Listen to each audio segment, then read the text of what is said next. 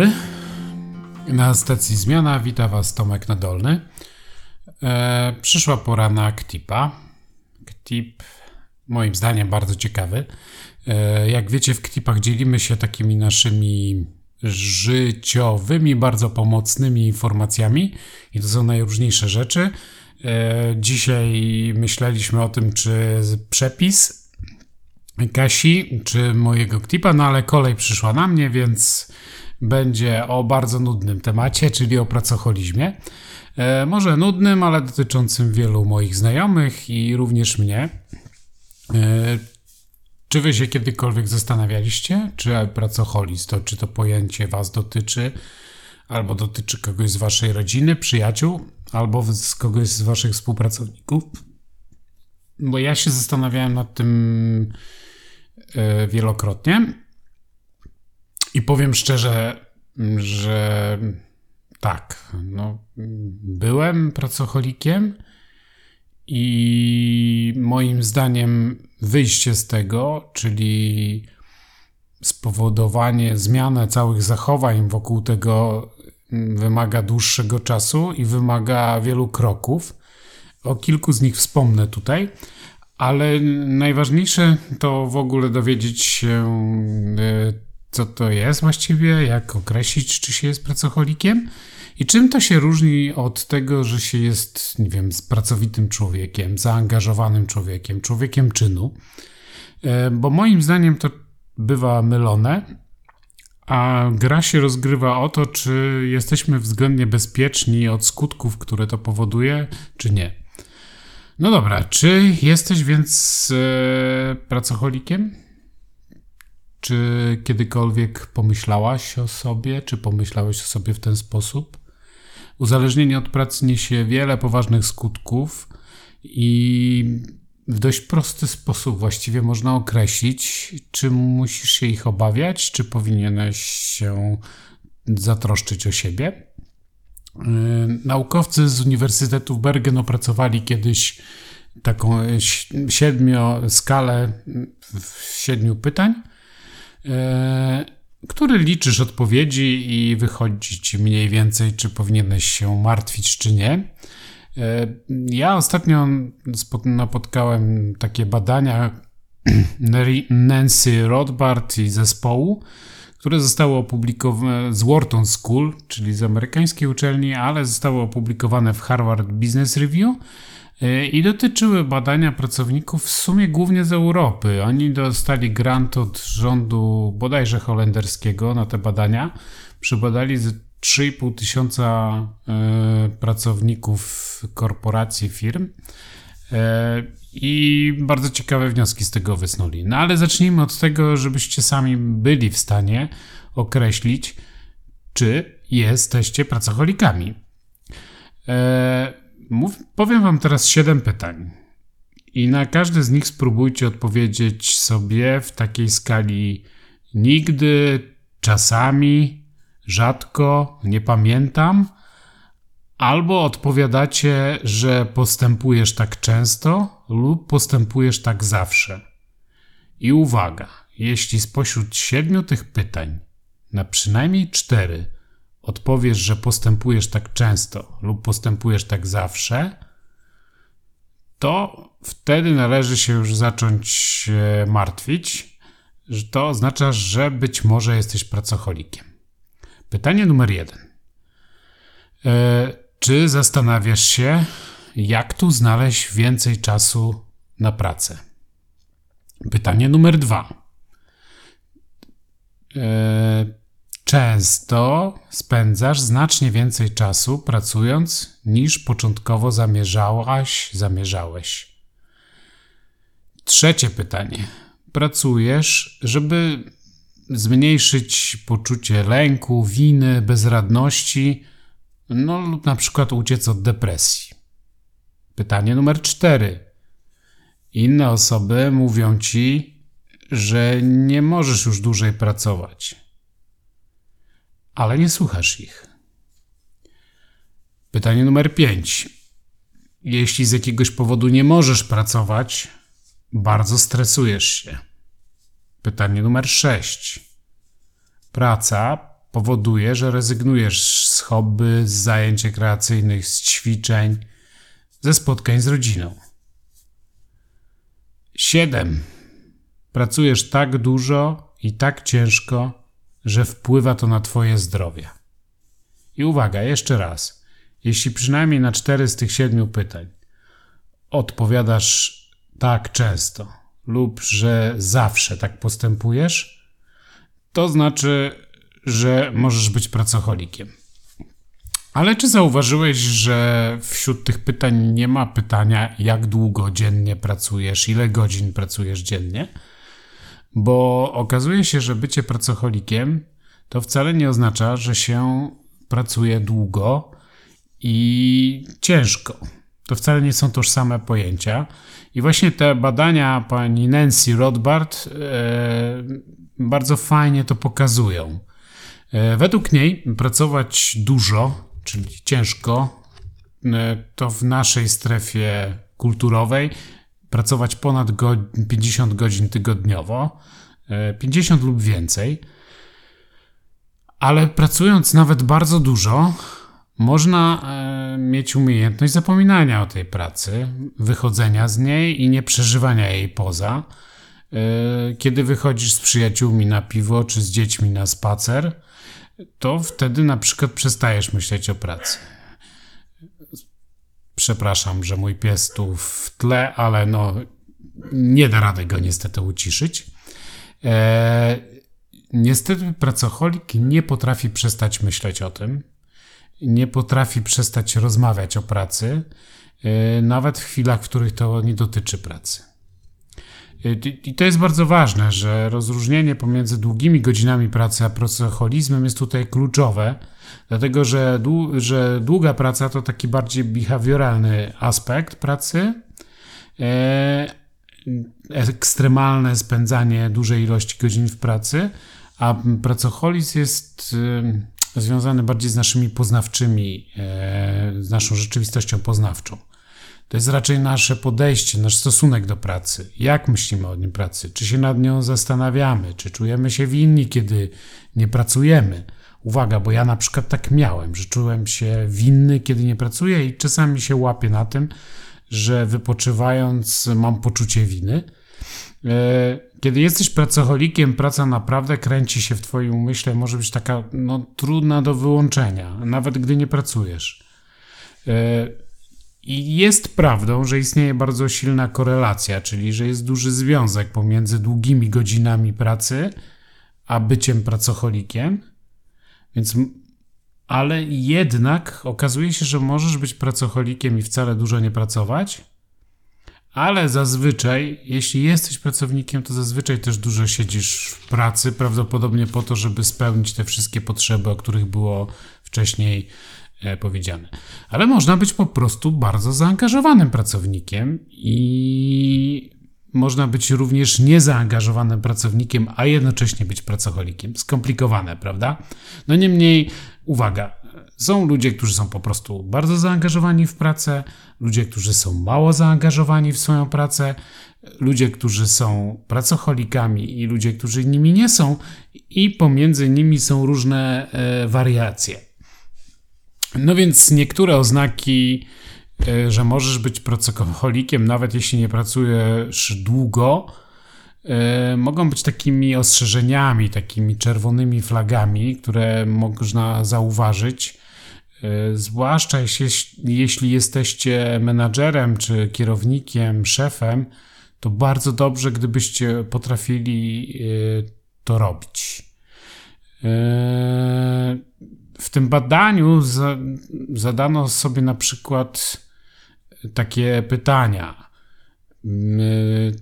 Poproszono odpowiedź na takie pytania. Na przykład, kontynuuję pracę po tym, jak moi współpracownicy skończyli lub nawet już powiedzieli do mnie, że czas do domu, czas zakończyć, czas odpocząć. Albo że czuję się winny, gdy nie pracuję nad czymś, lub kiedy pracuję, narzucam sobie wiele różnych terminów. To są takie rzeczy, które pracocholikowi odpowiadają, w sensie, że są jakby częścią jego sposobu działania. E, I oni z reguły mówią, że tak na ogół tak robią lub zawsze tak robią.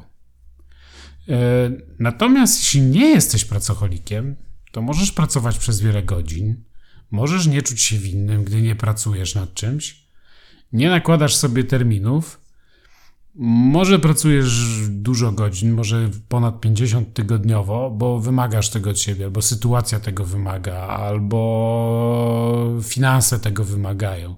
To nie jest, to nie jest obojętne dla Twojego zdrowia, ale widocznie musisz, więc pracujesz. Yy, ja myślę, że takim najczęstszym dzwonkiem alarmowym jest ta kwestia poczucia winy, gdy nie pracujesz. Bo dla mnie to brzmi bardzo, bardzo znajomo. Jest wiele teorii, które próbują wyjaśnić taki sposób myślenia, i niektóre twierdzą, że to jest część osobowości, inne, że to są rozwijane jakieś wzorce, nawyki, zachowań. I jedne teorie twierdzą, że to jest spowodowane środowiskowo, inne, że to organizacje, w których się znajdujemy, narzucają takie uczucie, że zawsze trzeba być e, pracowitym, ciągle być na bieżąco, wszystko wiedzieć, na wszystko odpowiadać i że trzeba bardzo ciężko, myśl, ciężko pracować i jeszcze do tego bez przerwy myśleć o organizacji, w której się pracuje. I szczerze mówiąc, y, trochę to zależy od naszego układu nerwowego, y, że niektórzy z nas no, rzeczywiście to kupują, że tak musi być i nie niektórzy z nas nie potrafią się temu oprzeć. Y, jeśli to brzmi znajomo dla ciebie, to powinieneś zacząć się martwi, dlatego że pracoholizm rzeczywiście wiąże się z tak zwanym ryzykiem zespołu metabolicznego. No tak to badanie określa zespół metaboliczny, ale to cały zespół najróżniejszych chorób sercowo-naczyniowych, e, które się pojawiają u pracocholików. I nie do, najważniejsze, że nie jest to do końca związane z długimi godzinami pracy, ale z samym byciem pracocholikiem. Także to, to raczej idzie w parze z byciem nałogowym pracocholikiem. E, to jest, ja myślę, że dla wielu osób takich jak ja, e, jest to temat, w którym który jest ważny. Ja właśnie, właśnie jest sobota, e, nagrywam ten podcast po to, żebyście mogli go usłyszeć w poniedziałek. I wiele osób ma tak, że na przykład yy, budzi się w sobotę i jakby jeszcze było w biurze, a w niedzielę na przykład już myśli o pracy.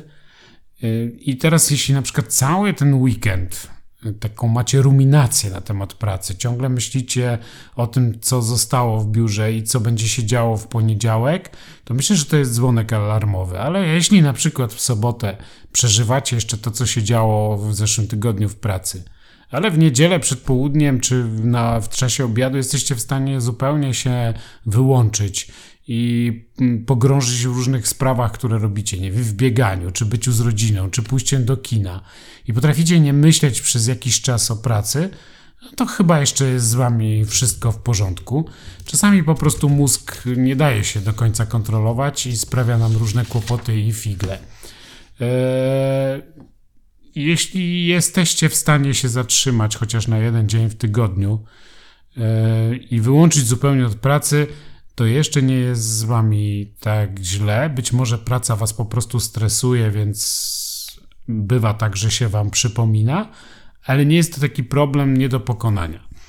E, jeśli z kolei nie możecie się uwolnić od myślenia o pracy, e, to chyba powinniście sięgnąć po kilka rad.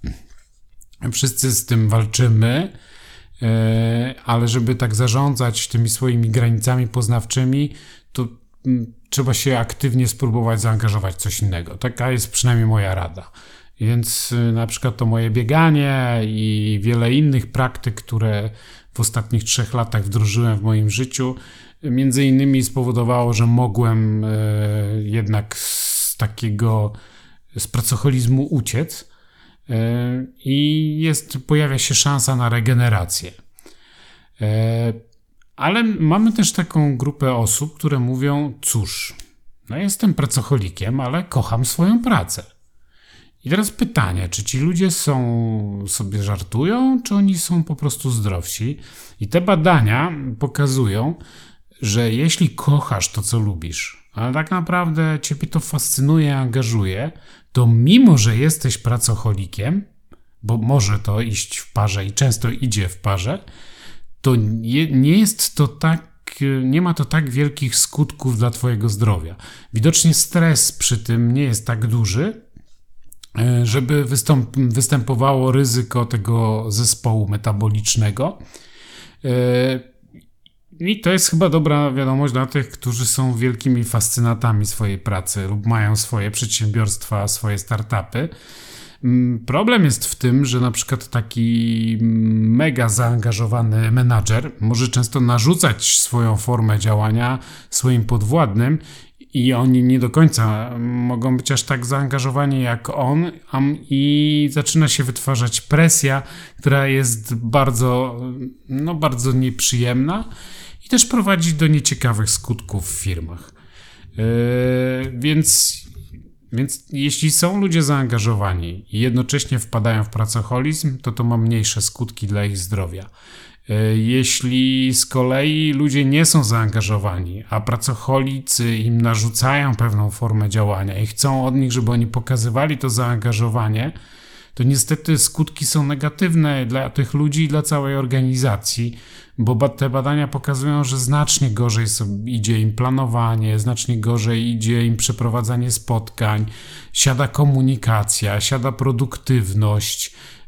Y, ludzie uciekają na różne zwolnienia i próbują w najróżniejszy sposób unikać y, tego, żeby no, oszukiwać jakby cały system.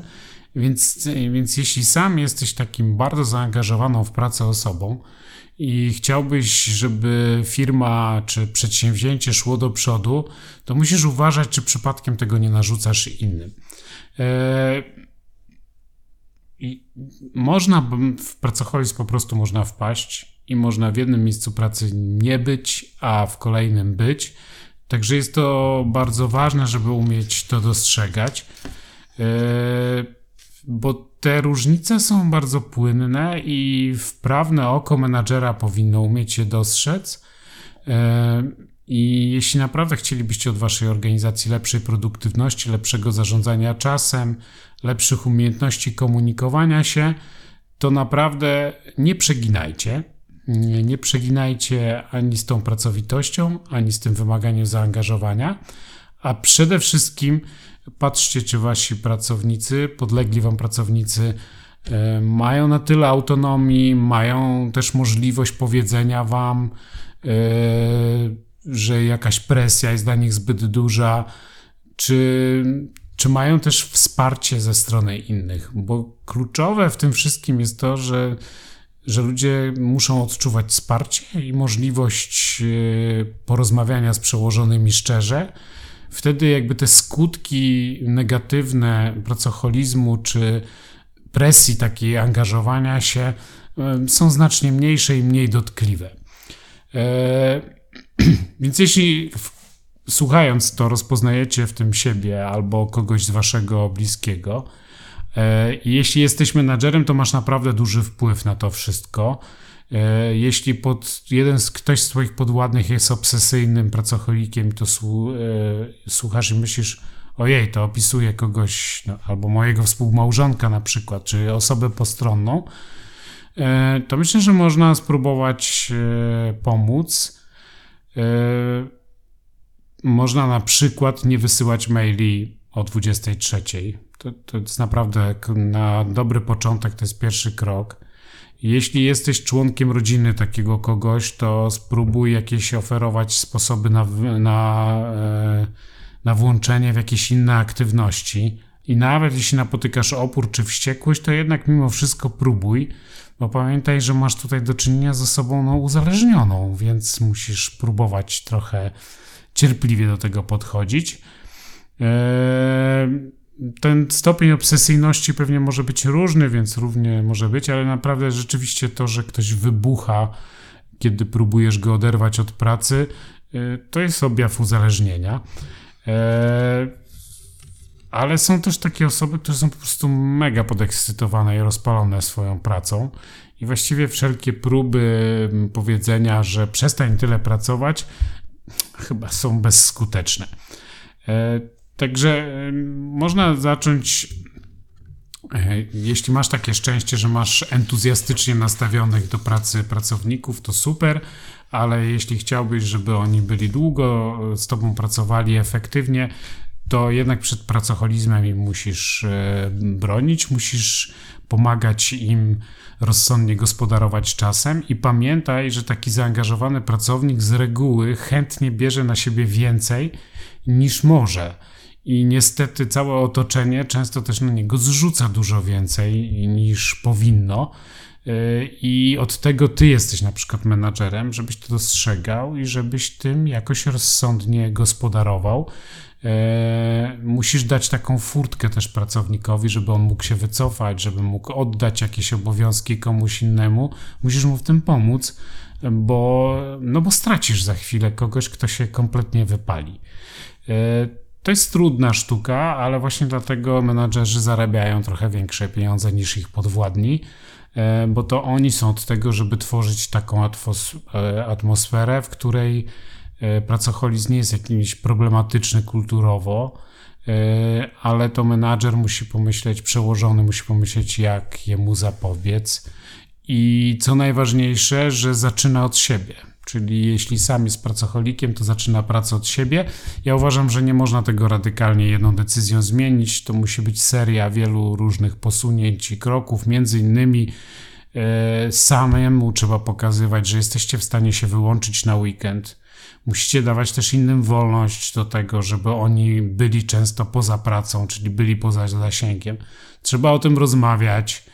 E, ludzie, którzy nie chcą dostawać maili w nocy, bo na przykład one ich denerwują, rozpraszają, muszą później powiedzieć, że słuchaj, ja to odbiorę o 5 czy o 6 rano, bardzo wcześnie wstaję, wcześniej jestem gotowy do pracy, ale chciałbym dlatego być wypoczęty w środku nocy. E, potrzebuję dłuższego snu, wypoczynku i daj mi go, nie wysyłając maila. Przecież można ustawić, żeby mail się wysłał dopiero o 7 rano. E, więc są pewne rzeczy, których nie powinien robić menadżer, są pewne rzeczy, do których powinien zachęcać, pewne rzeczy powinien sam sygnalizować swoim zachowaniem i swoją praktyką.